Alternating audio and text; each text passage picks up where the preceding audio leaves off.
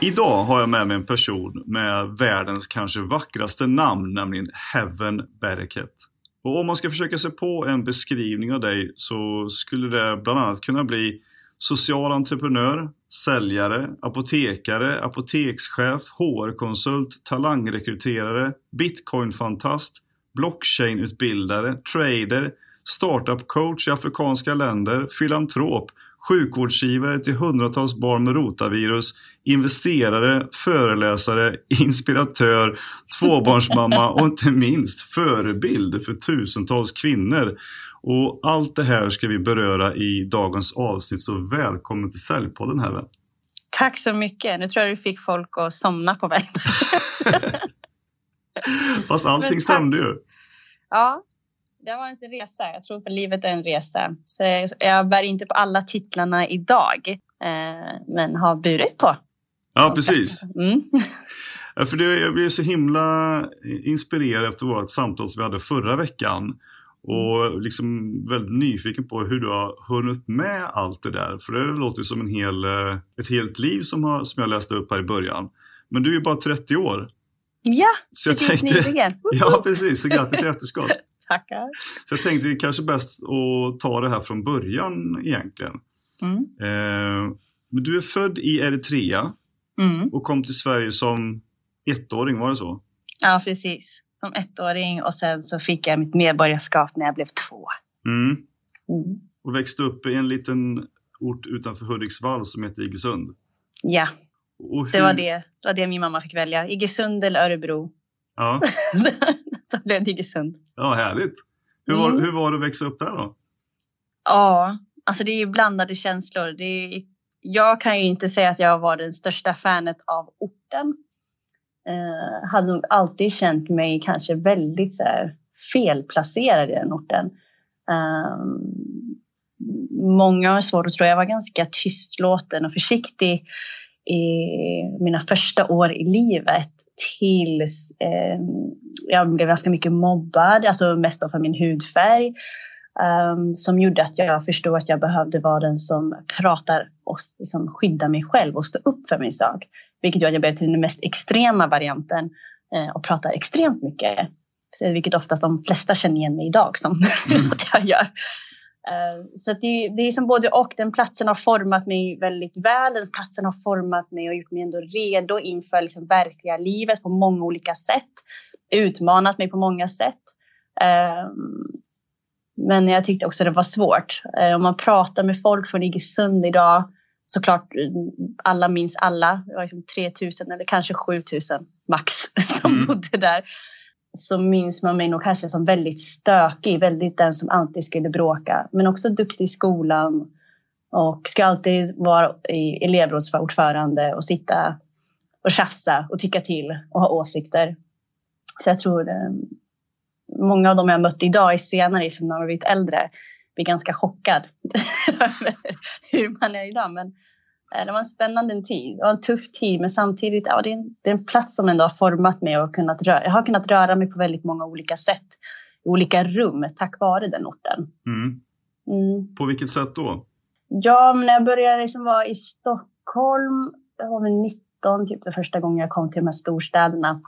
Och eh, så märker jag liksom att många kan ha liksom en rädsla för att vistas liksom i vissa rum, just att man inte känner sig välkommen. Men jag har liksom aldrig känt mig välkommen, så det är bara att man har, ja, man har bara fått liksom se till att finnas ändå.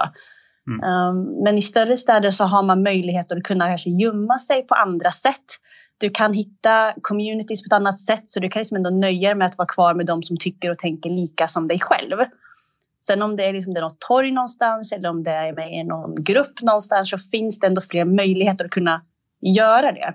Mm. I Iggesund så fanns det inte riktigt de möjligheterna. Det var liksom höger eller vänster. Så jag får bara acceptera det som erbjuds. Vilket gjorde att jag fick liksom värna mig med obekväma situationer på ganska tidigt. Och mm. jag tror det har liksom också gynnat mig idag. Det är väldigt få platser jag tycker att jag inte hör till.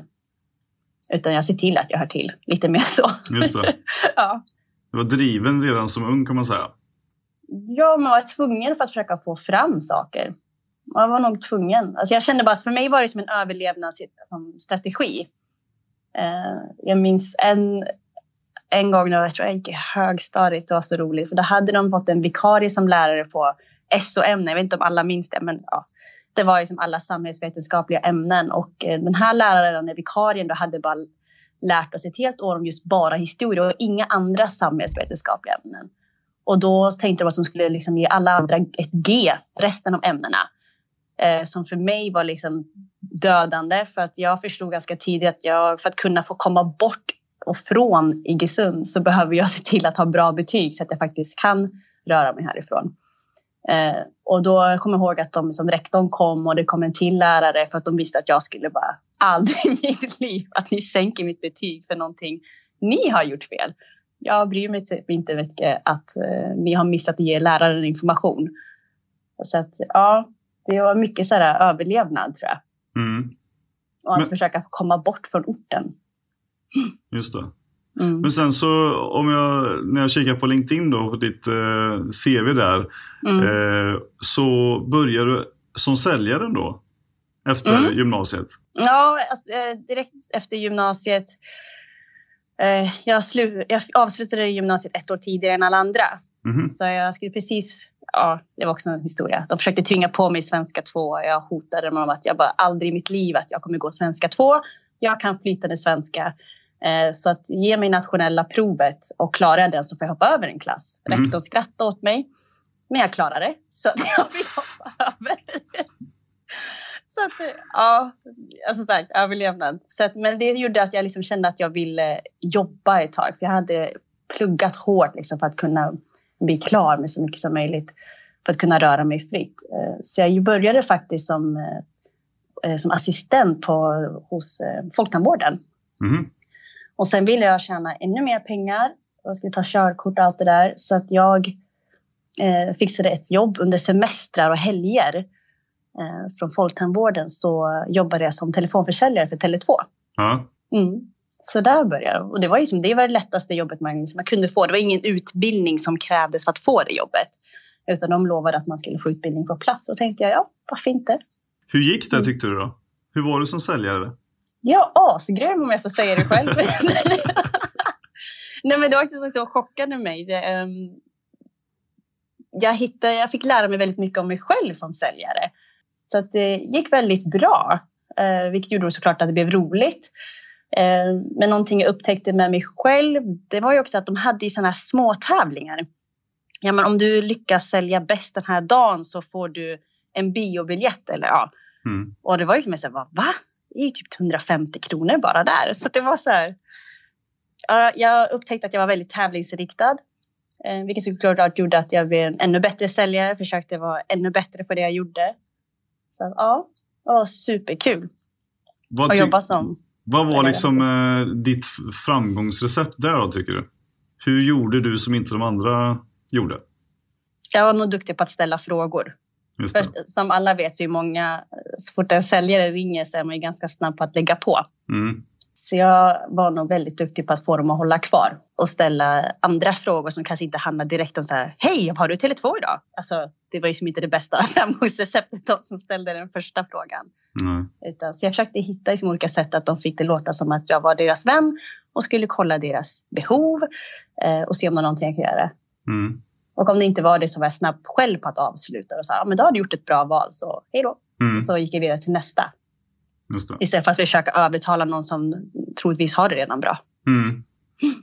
Men tänker du likadant om, om försäljning idag då, som du gjorde då?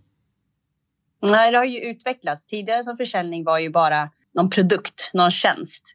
Men nu har det liksom utvecklats att även man själv, alltså hur man säljer in sig själv är ju väldigt viktigt. Och det är någonting som jag funderat bara de senaste åren eh, hur det kan vara att man ska promota sig själv eller det man själv gör eller försöka få andra intresserade. Så försäljning finns ju liksom i allt möjligt.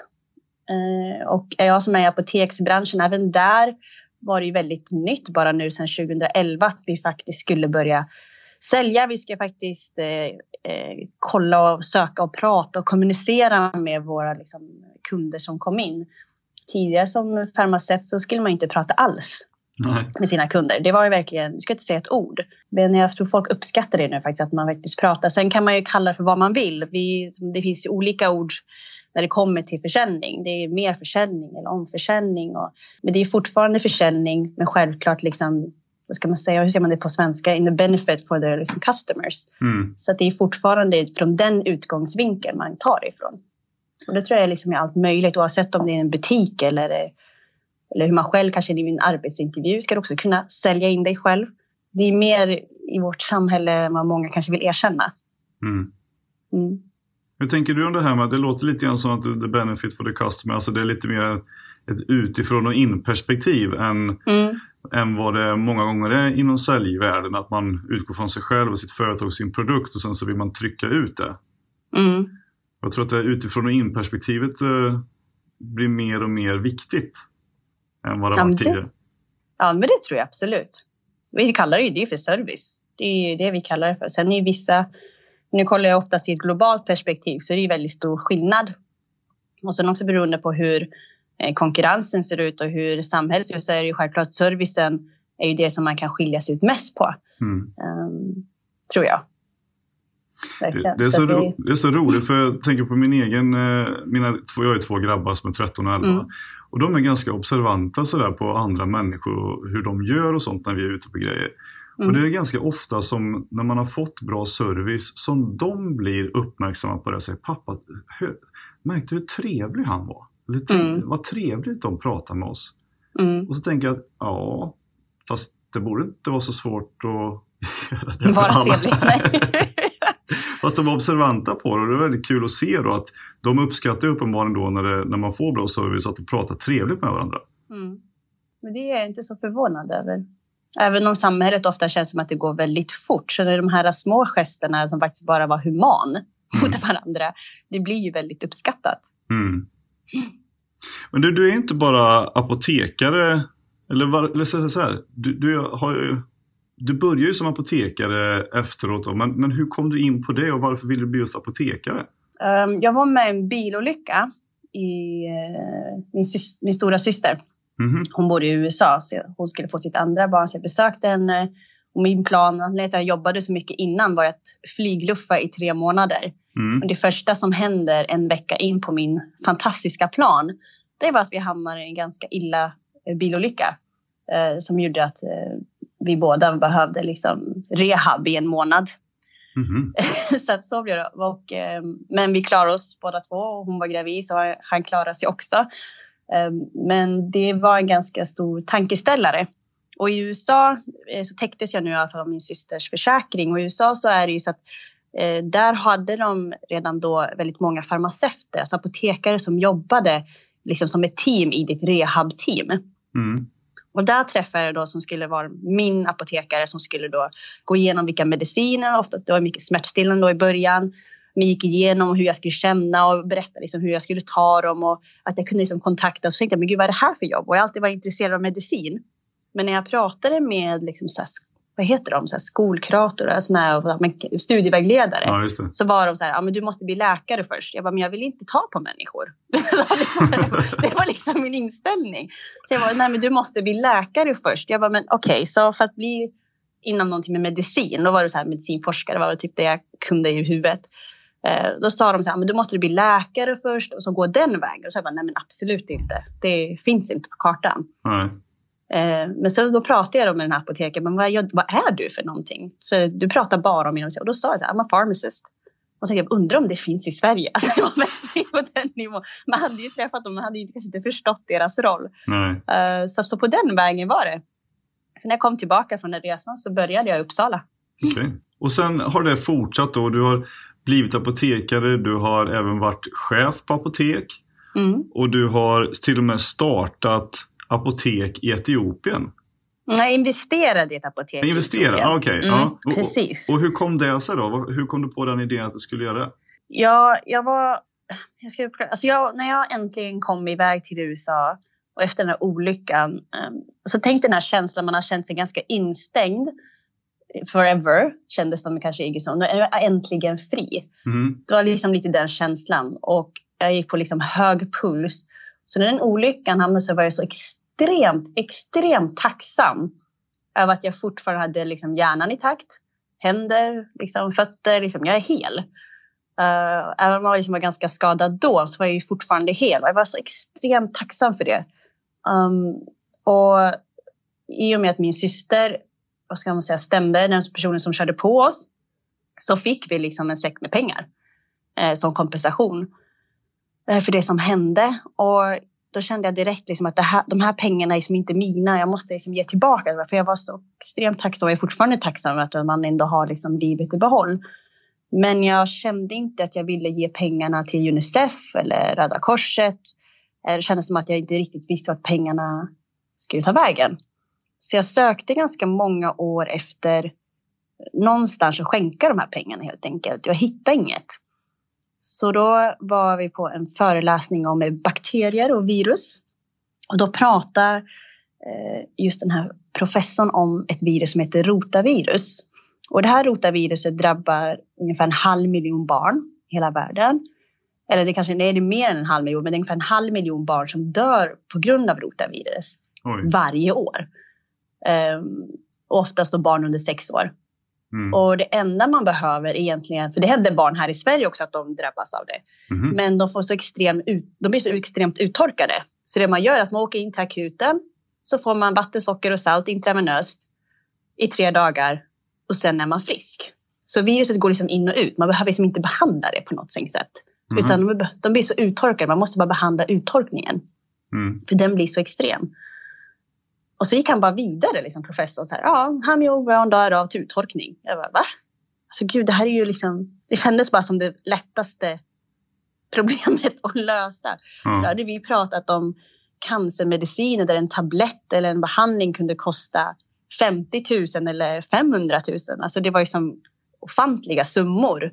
Medan eh, vatten, socker, salt, ja men vad kanske det kostade liksom på tre dagar det var några hundringar. Alltså det, var, det, var så, det var så absurt. Och jag tyckte att sättet han sa det på, jag bara, men gud vad lätt han tar det. Mm. Och då visste jag så här, men vet du vad, det här vill jag satsa på. Så då sökte jag pengar och använde mina egna pengar och startade Bambino-projektet.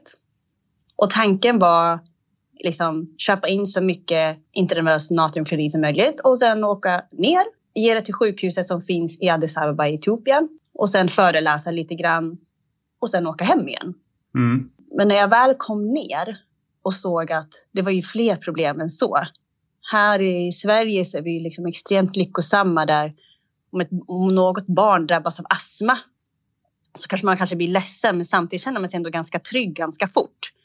För det, medicin finns tillgängligt, du behöver inte betala en krona som förälder för det. Även om du betalar skatt såklart, men du förstår mm. poängen. Mm. Det är ganska snabb hjälp på en gång. Medan där så såg jag som att rotavirus var ju det minsta problemet. Det, där var om, om ens barn fick astma, omöjligt hade råd med astmamedicin. Så det var ju som, man räknade ner dagarna tills man skulle förlora sitt barn. Gud. Ja, så jag, jag eh, klarade inte av det riktigt. Så då bestämde jag mig för att eh, utveckla Bambino-projektet eh, och bestämde mig för att jag skulle betala alla hälsokostnader för tio barn. Mm. Oavsett vad det var. Och visst, även det fanns pengar kvar, men det finns också ett slut på det. Eh, stipendium kan man absolut söka, men det är ett jäkla jobb med det. Ursäkta att jag svär, men det är mycket jobb. Mm. Det är mycket jobb och det är mycket jobb som krävs tillbaka som ett tack. Att du ska vara deras ambassadör, du ska skriva rapporter och du ska vara, föreläsa åt dem. Så man tappar ju mycket av sin egen tid för att faktiskt kunna utveckla projektet. Mm. Och då fick jag, tog jag upp det problemet med min pappa som följde med mig. Och så kände han någon och så sa så här, men det här apoteket, alltså om du investerar i apoteket så skulle du kunna ta vinstpengarna till Babino-projektet. Mm. Så det var liksom, det är så jag kom in i det här spåret. Jag är långt ifrån en investerare eller technörd eller allt det där. Det där har jag kommit på vägen. Så det tyckte jag var en kanonidé. För att det är en krass sanning idag. Det är, det är svårt att få människor att donera pengar. Även om vi gör det ganska mycket här i Sverige så är det också ett resultat av extremt stor marknadsföring där man liksom visar barn som dör i någons famn. Alltså det är liksom kraftiga bilder som man visar för att man ska få ens uppmärksamhet. Och jag vill liksom inte ha den approachen. Mm. Så att försöka, försöka liksom säga hej, jag vill jobba med förebyggande hälsa det är inte det sexigaste som finns. Det är inte någonting så här, tyvärr så funkar vi människor lite så att det måste vara kris och panik för att vi ska liksom kunna agera. Mm. Och jag vill liksom inte vara i den beroendeställningen. Så att därför investerade jag i apoteket och så tog jag vinstpengarna. Så att det, är liksom, det är en anledning till att jag har överlevt. Det är många projekt idag som eh, dör ut på, efter typ tre år för att pengarna tar slut. Mm. Och det är kanske ingenting som visas i media, men det är jättemånga sådana organisationer som startar upp. Pengarna tar slut och då kanske de har tagit in barn, kvinnor, allt möjligt. Som bara, så här, det kan vara ett djurhem som sen bara slängs ut Mm. för att pengarna är slut. Så det är svårt att få någonting sånt att leva vidare. Och nu pratar man ju väldigt mycket om att det är den nya grejen, det här sociala entreprenörskapet. Man har liksom satt ett namn på det, men då fanns det liksom inget riktigt namn på det, utan det var att jag skänkte bort pengarna bara. Men alltså att starta igång ett sådant projekt, eh, samla ihop eh, salt och socker och vatten Mm. så säga, i, den, i den lösningen och sen åka ner med det. Hur, vet, hur visste du hur du skulle liksom få ut det här till de behövande? Hur fick du, så skapade du kontakterna och hur, Mm. hur fick du med dem på tåget? Ja, nu kommer det här låta helt banalt, men jag började googla. jag kom hem från den föreläsningen och satte mig ner och googlade så här, hur startar man ett projekt? Det var det 2010. Det var så jag började och det tog mig ett år och så kom man ju på massa saker. Eh, jag hade kontakt med Hans Rosling. Man kunde säga, ah, men du kan mejla honom, någon som ger tips där. Pappa hade någon han kände, ja men tips där.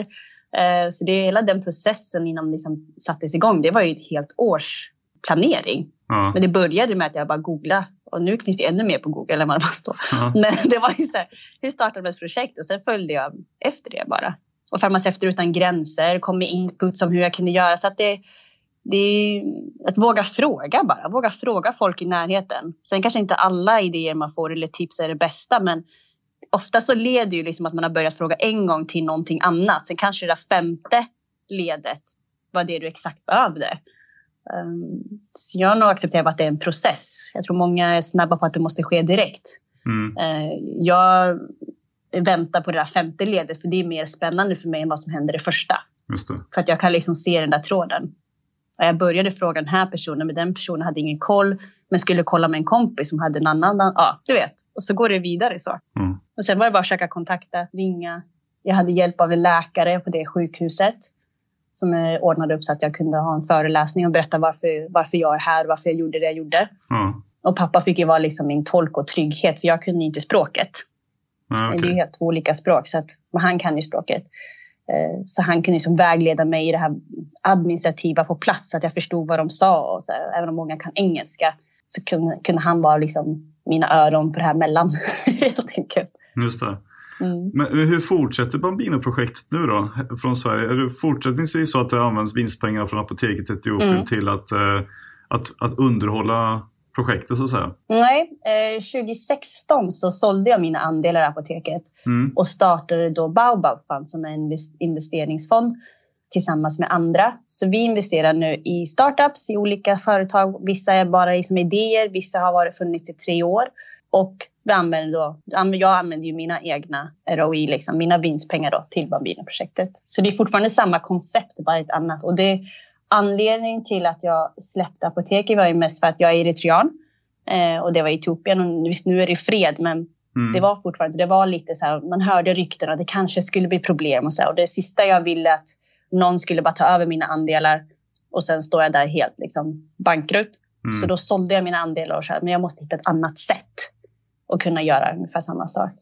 Och då hade jag ju varit inne i, i cryptocurrency så jag hade varit inne i blockchain innan så det, och väldigt intresserad av hur man kan använda den tekniken och intresserad av att starta. Så man kom ju in på andra spår som man kanske inte hade mött annars. Då sa jag, men det här blir något bra sätt. Och då får vi fortfarande vinstpengar så att jag kan driva Bambino-projektet. Mm. Jag tänkte skulle Sen kan in- man ju donera också, men det är ju ingenting projektet är beroende av. Ja, just det. Men hur, om någon då vill stötta Bambino-projektet då? Finns det något Mm. sätt att göra det på? Mm. Eh, det, det är en hemsida som heter thebambinoproject.org. Eh, det finns också på Instagram, eh, The Bambino Project. Och där kan man se, det kommer man direkt att man vill donera eh, med vanliga pengar. Eller om man vill donera kryptos, finns också. Eller om man vill bara stötta vissa projekt. För nu har ju blivit så att det som har utvecklats till ett enmansprojekt har ju blivit att vi har blivit som en slags paraplyprojekt för andra organisationer som finns lokalt i olika afrikanska länder. Mm. Så att man kan också välja om man vill börja stötta just den organisationen via oss. För då blir vi som paraply som kan säkra på att vi besöker dem och vi ser hur de har det. Ehm, jag tror inte på volontärarbete, men då har man liksom ändå en annan insyn. Just det. Mm. Men det Baobab Fund då, hur enkelt är det att, eh, att investera i de här startups i de här olika, det är Etiopien och Ghana bland annat och Elfenbenskusten mm. som jag förstår. Mm. Hur det har varit en resa. Ja. ja, det är en lång resa. Mm. Ja, kan du berätta lite om den då? Ja, så först och främst är det ju som språkhinder i början. Sen är det också som annan kultur. Det kanske inte är också så mycket teknologi, det är mycket på papper. Men samtidigt så är det när man väl är inne i systemet så går det ju lättare. När det kommer till deklarationen, när det kommer liksom där så tycker jag att det är betydligt lättare än vad det är här i Sverige. Mm. Sen också att man får liksom lära sig kulturen. Alltså, även om det är mansdominerat i vissa aspekter här också i Sverige, det är det också i and många andra länder. Um, och i vissa andra. Så ibland har jag till och med tagit strategi där jag har tagit med mig en man till ett möte som jag vet kommer vara väldigt så här, vi lyssnar på män för att göra min röst hörd. Så att, ja, det som har blivit lättare nu jämfört med två år sedan, det är ju att det är många afrikaner från olika andra länder, kanske från USA, Kanada, andra övriga europeiska länder som har nu kommit tillbaka och kanske investerar i någon byggnad eller mark eller något annat projekt. Så nu har det ju blivit lite lättare, i alla fall lite mer öppnare, mm. eh, att kunna göra liksom en större skillnad. Men man får vara mer hårdhudad. Ja, jag förstår. Mm. Men hur ser den afrikanska startup-scenen ut om du jämför med Sverige till exempel? Den är enorm. Mm. Den är enorm och kreativiteten, alltså det flödar alltså, till orimliga nivåer. Alltså det är ett ofattbart fantastiskt. Det finns liksom inget problem alls att lösa vad som helst. Eh, och jag tror att eftersom man har en annan slags miljö där, där har man kanske inte lika tryggt och skyddat som man är i sin bubbla här i Sverige, vilket gör att man är tvungen att agera själv för att få saker gjort. Mm. Så att det är ju helt fantastiska projekt man kan finna eh, och bygger liksom upp teknologin långt före än vad Sverige är. Just för att man har liksom valt, man kanske har stagnerat lite grann här nu. Eh, och det som har hänt nu med Baobab Fund Först hade vi bara riktningen men att vi ville hitta projekt som vi tyckte var intressanta, investera i dem. Mm. Eh, det som har hänt nu det här året, det är att svenska startups vill in till den afrikanska marknaden och har då oss som en mellanhand. Just för att liksom vi kan vägen in. Vi har de kontakterna som behövs. Så man kanske inte behöver gå hela den här vägen via alla Bolagsverket och alla myndigheter som finns utan använder oss som en mellanhand och hjälper dem in och väljer också vilken marknad i den stora kontinenten som skulle passa deras produkt eller deras tjänst. Mm. Så det är det nya benet som formas nu mer och mer. Finns det något tydligt exempel sådär från, eh, från scenen där inom tech-scenen till exempel? För om man tar, jag kan ta själv ett exempel i och med att jag hörde att det här med mobila betalningar är liksom ingen uppfinning som är någon västuppfinning direkt utan jag tror att ett kenyanskt bolag från början som, som startade med mobila betalningar från mobil mm. till mobil. Eh, och sen så har det liksom kommit till Sverige och resten av världen liksom efter det ett antal år. Men finns det några andra typiska delar där det är väldigt tydligt att det är den afrikanska kontinenten som... som... Det stämmer. Um, man har ju som hoppat över liksom industrialismen som kanske har varit i Europa. Man hoppar ju direkt liksom till uh, hela tech-scenen, hela techvärlden. Det är ju som ingenting nytt överhuvudtaget egentligen i många av de afrikanska länderna. Uh, och man använder teknologi i princip vilket område som helst. Ena bolag som vi har investerat i håller på med eh, agriculture tech där man liksom har utvecklat en teknik som gör att man kan mäta direkt i jorden vad som faktiskt behövs. Ja, men det är mer vatten som behövs eller det är någon mineral som fattas eller allting. Det är, de är så mycket före så mycket annat. Ja, de jag tror bara har egentligen bara hoppat över den industrialismen som gör att de direkt hoppar in till den här techvärlden. Det är liksom ett glapp där som kanske eh, Europa och kanske USA har gått igenom. Mm. Så man hoppar ju över de stegen. Man, man går inte via liksom att använda kol till el, utan direkt till solenergiceller och, och så vidare. Och kanske man går vidare till nästa nivå. Så att eh, det går ju betydligt fortare. Det. Och det finns manskraft och det är mycket pengar som finns som flödar i de här scenerna också. Eh, det är stora aktörer som kommer in. Så det är extremt spännande. Mm. Men du nämnde själv lite grann det här med eh, krypto och blockchain tidigare och du var ju ganska mm. tidigt eh, inne i bitcoin-svängen. Mm. Av ren luck kan jag säga.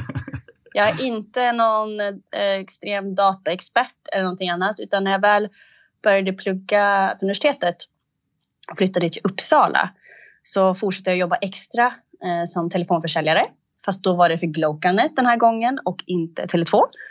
Uh, jag vet inte om de finns kvar än. Ja. Jag vet inte heller. Men, nej, men det var det i alla fall.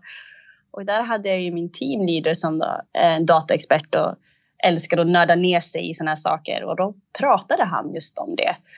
Uh, och den tiden så hade man ju precis börjat med att man kunde nå sin bank via sin iPhone 3 så länge du hade dosan med. Jag vet inte om du minns det. Det har ju gått ganska fort så folk glömmer ju bort mm. Ganska fort hur det faktiskt var. Men då gick man ju runt med dosan. Man kunde gå in på sin bank och då göra sina ärenden och flytta över pengar och vad man behövde göra. Mm. Helt plötsligt så behövde vi inte gå till bankomaten.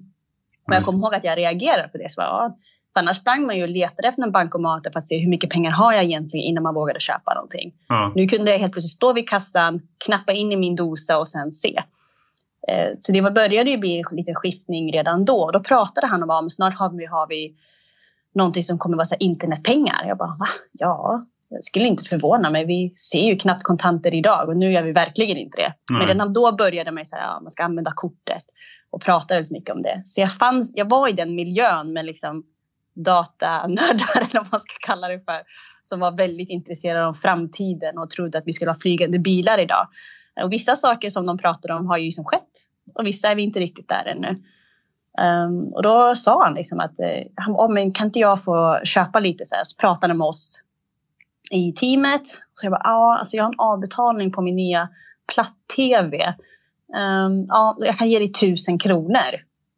Det var liksom så här jättemycket för mig. att kunna ge det.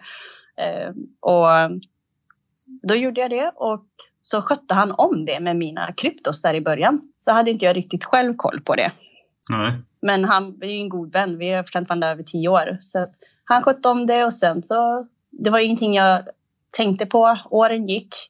Sen han bara, vill du ta över dina nycklar? Jag bara, ja, ska, det är väl dags att börja lära sig vad det är för någonting. jag, jag gör det. Och eh, fick över mina nycklar. Eh, fick mer förståelse om vad det är och såg att jag kunde använda även lite annat kring det här för att kunna bygga upp ännu mer med Bambino-projektet, vilket var nice. Vi gick från att supporta 10 barn till 1450 barn. Oj. Eh, så, att, så på den vägen var det. Sen har jag nu senast fyra åren eh, tradat både i forex-marknaden och i kryptomarknaden. Um, många är väldigt fixerade över hur mycket en bitcoin kostar. Mm. Vilket jag tycker är liksom helt fel att liksom utgå ifrån. Um, hur ska man tänka istället då? Jag, jag tycker att man ska vara mer intresserad av vad faktiskt bitcoin innebär för samhället. Hur det innebär i sin vardag. Mm. Um, de flesta är ganska ointresserade av vad som händer i bakom kulisserna. Jag förstår, det är inte det roligaste alla gånger. Men när vi fick 4G så var det inte så många som heller funderar på hur det, för, hur det liksom funkar eller hur, vad det är för någonting. Utan man går runt och bara säger bara, ja, men jag, ja, jag har 4G internet. Men så kanske man inte riktigt fattar vad det var. Man förstod bara att det var någonting bättre. Mm. Uh, och jag tror att skulle man bara ge sig lite mer tid och faktiskt förstå vad det är så tror jag att man inser också att det är en förändring som sker. Och att någonting också på den här, den här gången så är det faktiskt någonting också man kan vara med, alltså man kan vara med i förändringen. Man kan faktiskt också tjäna pengar på att vara med i den här förändringen och inte vara liksom den som förstår allting sist. Man har faktiskt chans att vara med för någonting. Det är fortfarande väldigt tidigt, tycker jag. Mm. Um, Men vad är det med kryptovalutor som folk inte fattar då? Varför är de inte med på tåget? Men jag tror det är bara alltså, i människans natur att liksom eh, vara lite rädd, lite anti mot förändringar. Ehm, det var ju så när internet kom också. Det var ingen som trodde att vi helt plötsligt skulle handla mer på in på nätet än vad vi gör i butikerna. Det var så här, men är det knäppt? Absolut, det kommer ju inte ske. Mm. Så jag tror man liksom att i sin natur så är många, många väldigt anti. Liksom, anti en förändring, anti någonting nytt. Det är som den första approachen man har när någonting nytt dyker upp. Och eh, jag som coachar liksom ändå eh, talanger och sånt där märker ju också det och försöker få dem att liksom, din inställning från början är ju det som avgör hur, alltså, vad ska man säga, ja men din inställning i början är ju det som avgör hur liksom, mottaglig du är Mm. Från ny information. Det är mottagligt hur du kan också använda den informationen. Men många kan vara liksom anti i flera år, länge. Mm. Och då Liksom missar man tåget. Ja, och det var ju så när man tänkte också där, ja, men eh, det är ingen som kommer börja handla på nätet, det kommer bara vara unga. Men när man tittar idag så är det ju flest mer de äldre som gör det. Det är folk som är funktionsförhindrade på något sätt som använder sig mer av nätet Mm. än vad då, att det är bara att de unga som gör det. Och jag har ju som ett tydligt exempel bara hemma. Där jag, min mamma är hörselskadad. Så för henne att göra liksom vissa vardagssysslor, att ha kontakt med läkare eller hämta en recept eller mejla eller kontakta bara och prata telefon har ju varit liksom jobbigt för henne. Så hela den här internet för henne var det ju som ett helt nytt sätt att kunna kommunicera med andra. Hon kan facetima med min dotter liksom och eh, och verkligen hänga med på ett helt annat sätt för att hon kan också se mimiken, hon kan läsa på läpparna. Alltså det, Mm. du vet, och hon är den som kan allt om banken, hon vet precis hur hon skickar mejl hit och dit. Och så har min pappa som är fullt frisk. Det är inte så många år mellan dem. Men där så här, han kan knappt skriva in vilken var hemsidan på nätet. Det blir liksom stor, stor skillnad. Mm. Och där tror jag liksom inställningen från de två var det som var avgörande. För hon sa, hon bara, hmm, men det här kanske jag kan använda och då slipper jag kanske behöva ringa och inte förstå vad allting som sägs i telefonen. Jag kanske kan facetima med min läkare. Mm. Men min pappa såg som inget behov av det. Han klarade sig ändå ganska bra. Så han bara, äh, nej det där är inget, äh, det där är skit. Och istället för att försöka, vadå, vad tänker du? Och det här är då i samma hushåll. Mm. Så Men jag tror ens tänker du inställning Ja, är en precis. stor skillnad. Mm. Men, men jag tänker liksom det här med den här nya tekniken som, som du då liksom vurmar för med kryptovalutor som ena sak. Jag tänker att många tycker att det är ganska svårt därför att man inte fattar vad kan jag handla någonstans för de här pengarna? Eller står de Mm. bara där och varför ska Man har jämfört det liksom inför förra året med tulpanlökarna i Holland på 1700-talet och så vidare. Och så vidare. eh, det är liksom bisarrt när man liksom utgår från det traditionella betalningssättet då jämfört med eh, nya sättet att hantera pengar. Eller, eller värde kanske man ska säga. Och Mm. ehm, det, det ingår ju också blockchain-teknik bakom kryptovalutan. Hur, hur resonerar du runt blockchain-tänket och vad tänker du att det, det kommer bli för förändringar framöver när det är fullt implementerat? Ja, det är två olika frågor. Alltså när det kommer till att betala med kryptovalutor, det görs idag. Du kan donera krypto till eh, Bambina-projektet idag och många andra projekt också. Sen tycker jag alltså att det är ganska onödigt stort så här, orosmoment. Så men hur ska jag kunna betala? Ja, men vi swishar hit och dit. Det är också pengar som inte riktigt ser.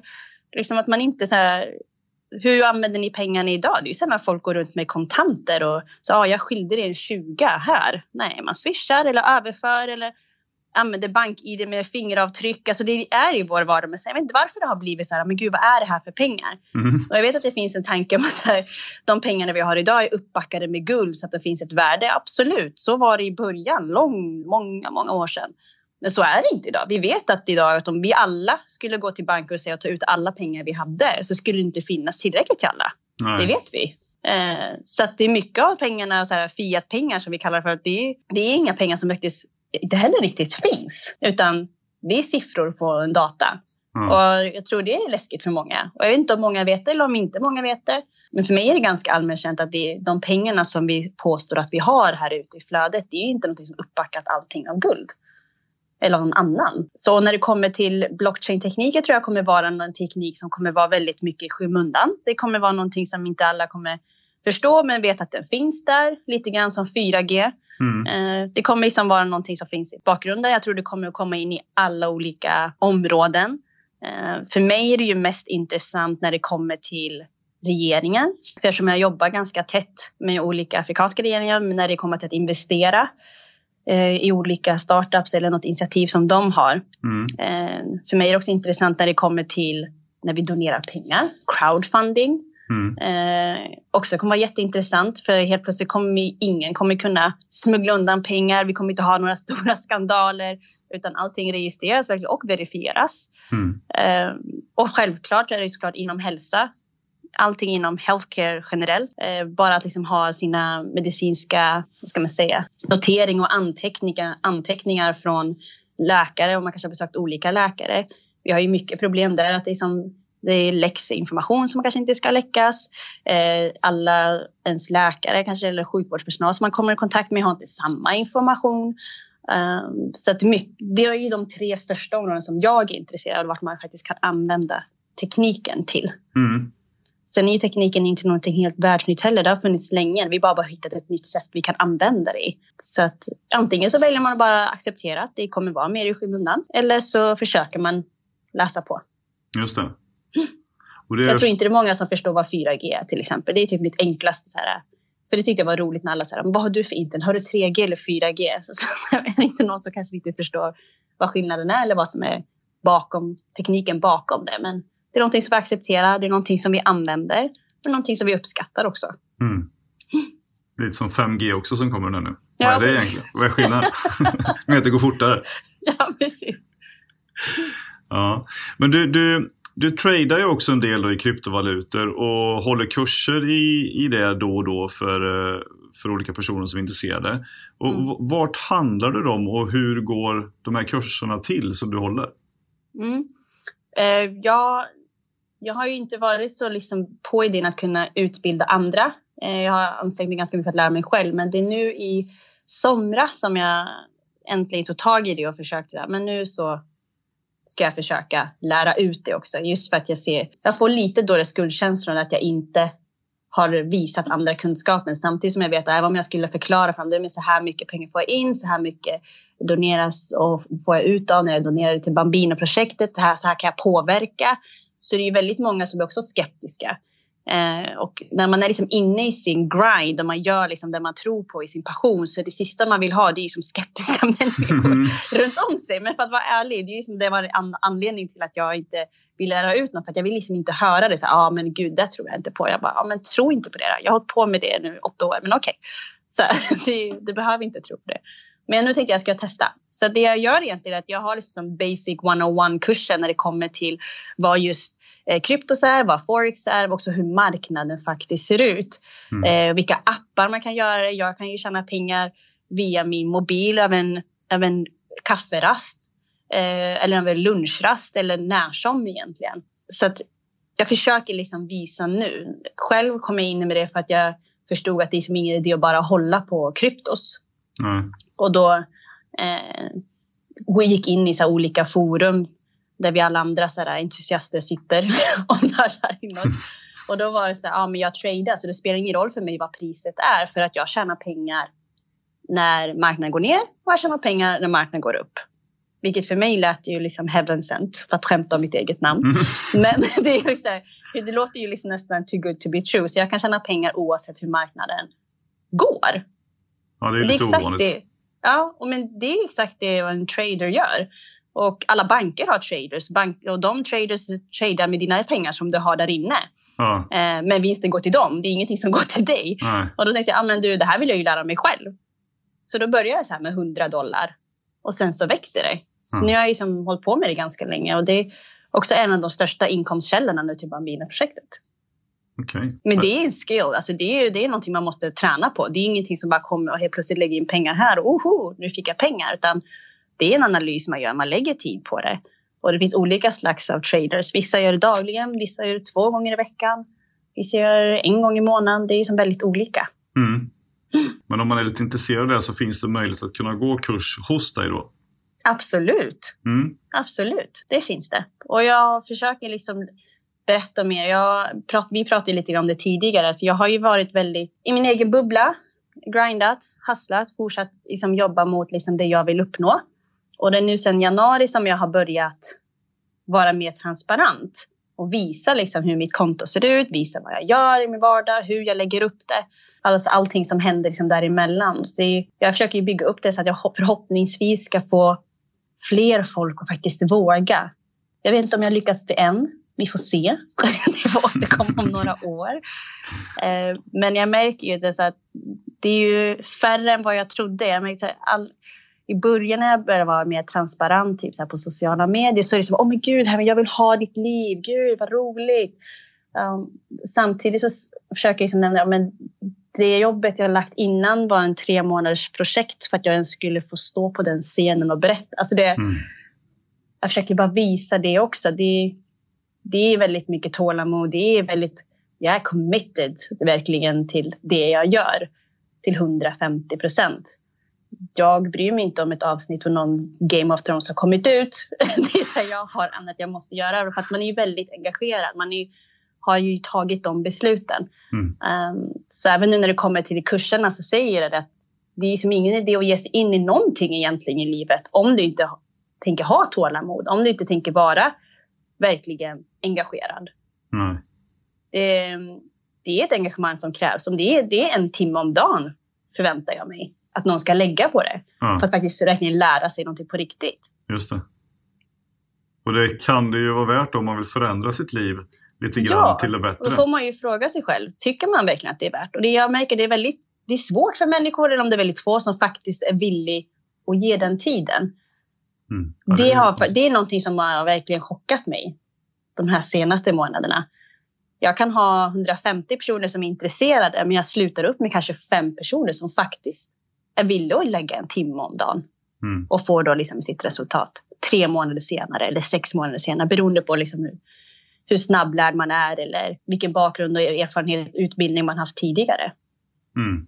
Så att jag förstår, det är inte någon eh, det är inte många som vågar liksom ta det steget. Det tycker jag är jätteintressant. Jag tycker att människor generellt är intressanta.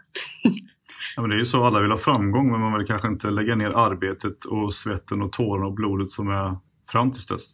Mm. När man inser vad som ligger bakom. Mm. Men jag tänker det här är, ditt engagemang här med både med startups och, och kryptovalutor och sådana saker har ju lett till att du blir inbjuden till olika möten och konferenser och var talare. Mm. Men hur började det där egentligen?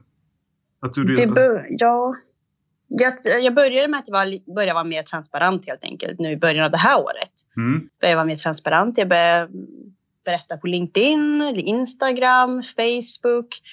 Och sen har jag liksom blivit inbjuden och fått dem. Liksom, Hej, vad har jag att du har gjort det här? Så det är på den vägen har varit. Och du vet själv, när en dörr öppnas så öppnas två till och sen är det fem till och sen exploderar det ju. Mm. Uh, och jag hade fått några sådana inbjudningar tidigare men som jag hade tackat nej till. Uh, för jag tyckte jag såg liksom ingen vinning i att göra det. Mm. Och nu gör jag det just för att jag ser att jag men, kan jag få med en person till som vågar göra någonting annorlunda eller ta det där första steget som verkar vara jättesvårt för så många. Då är det värt det. Vad var det första då som du fick eh, stå på scen och prata om? Det första var i Portugal, i Cascais, eh, The Horizons Global Summit. Eh, då, det var det största och det mest läskigaste jag någonsin har gjort. Jag var så genomsvettig, alltså du vet, så spänd. Då satt liksom Portugals president, Kap Verdes prime minister satt där och så ungefär 450 andra stora businessmänniskor. Och jag skulle mm. prata om inspiring the future.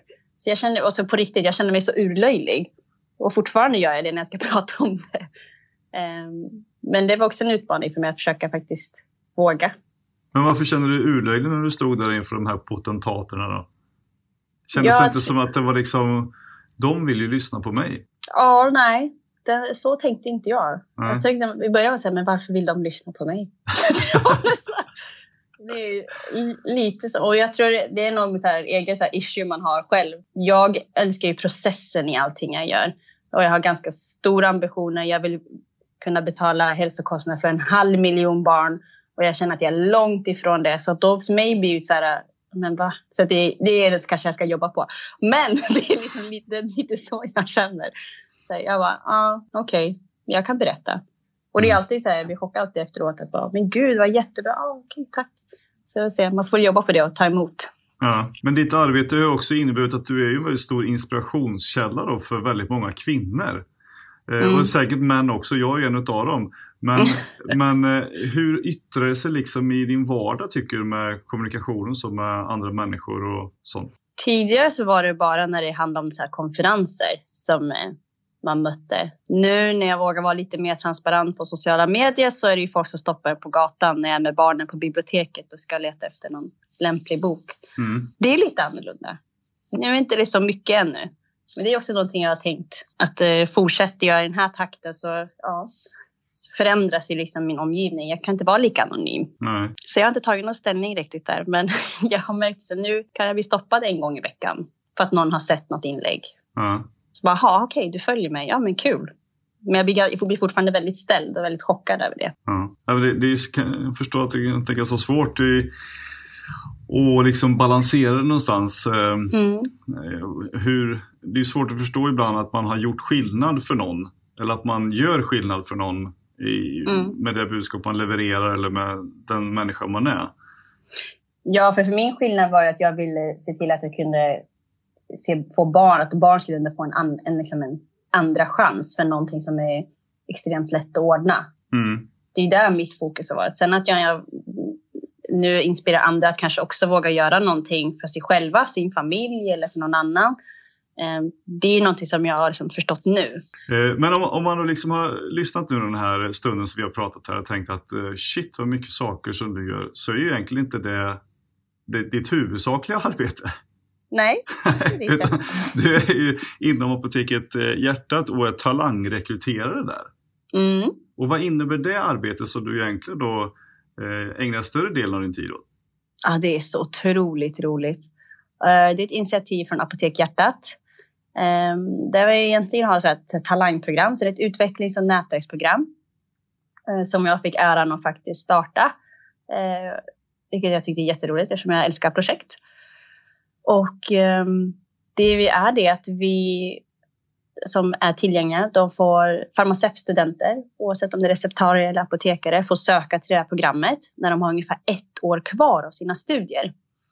Så det som är, det är väldigt mycket coachande. Det är att försöka hjälpa dem och liksom stötta dem i, i det här sista, vad som händer nu i apoteksbranschen. Vilken väg ska jag börja med? Man försöker bygga upp det här mindsetet. Um, så det har varit jätte, jättekul att få göra det här. Så nu har jag gjort det här i ett år eh, med tio stycken farmaceutstudenter som nu har börjat liksom komma ut i apoteksbranschen. Och nu är sju av dem också mentorer till de här 15 nya som kommer in här. Mm. Så det är jättehäftigt att se. Eh, det blir som en familj verkligen. Och det gör vi. Jag har ju gråtit tillsammans, vi har skrattat tillsammans för att vi verkligen... De jag valde ut från alla ansökningar som kommit in är ju inte för att jag har tyckt att de har varit en talang från början. Nu kommer de höra på det här och ringa mig sen. Men, det, är här, det är inte, men det är inte Susanne, det är inte för att jag har sett att de har varit en talang, för jag tycker att alla har liksom en talang. Utan eh, det jag kollade på, gemensamma faktorn, de är ju helt olika från varandra. Mm. Helt olika eh, ambitioner och karriärsmål som de vill nå. Eh, men det gemensamma nämnande är ju faktiskt att de är nyfikna. De är redo på att liksom, lägga tid och är engagerade. Det är som det gemensamma nämnaren. Och jag tror att det är liksom den första grunden som behövs för att faktiskt våga ta för sig och skapa och ändra. För att vi har ju verkligen benat in, vi har haft individuella samtal, vi har haft gruppsamtal där vi som har verkligen benat igenom rädslor och funderingar som man kanske har haft. Eh, som jag tror kommer vara extremt stöttande för dem resten av livet och kanske inte bara i arbetslivet men också i privatlivet. Så det här får de liksom en chans att utveckla och testa sig själv lite grann i olika, ja men jag är duktig på det här och det här behöver jag förbättra mig inom. Eh, de får träffa olika, eh, olika människor apoteksbranschen, allt från vd till egenvårdsrådgivare, liksom alla människor som finns i den här branschen helt enkelt. Så det var en jättehäftig resa. Ja, härligt, vad, vad roligt mm. att få jobba med entusiasmerande människor och mm. sådana som vill och engagerar sig i, i att vilja bli bättre på saker och ting. Mm. Ja, de har ju som utbildat mig inom det här också. Hur jag blir en bättre coach, hur ja. jag blir en bättre mentor.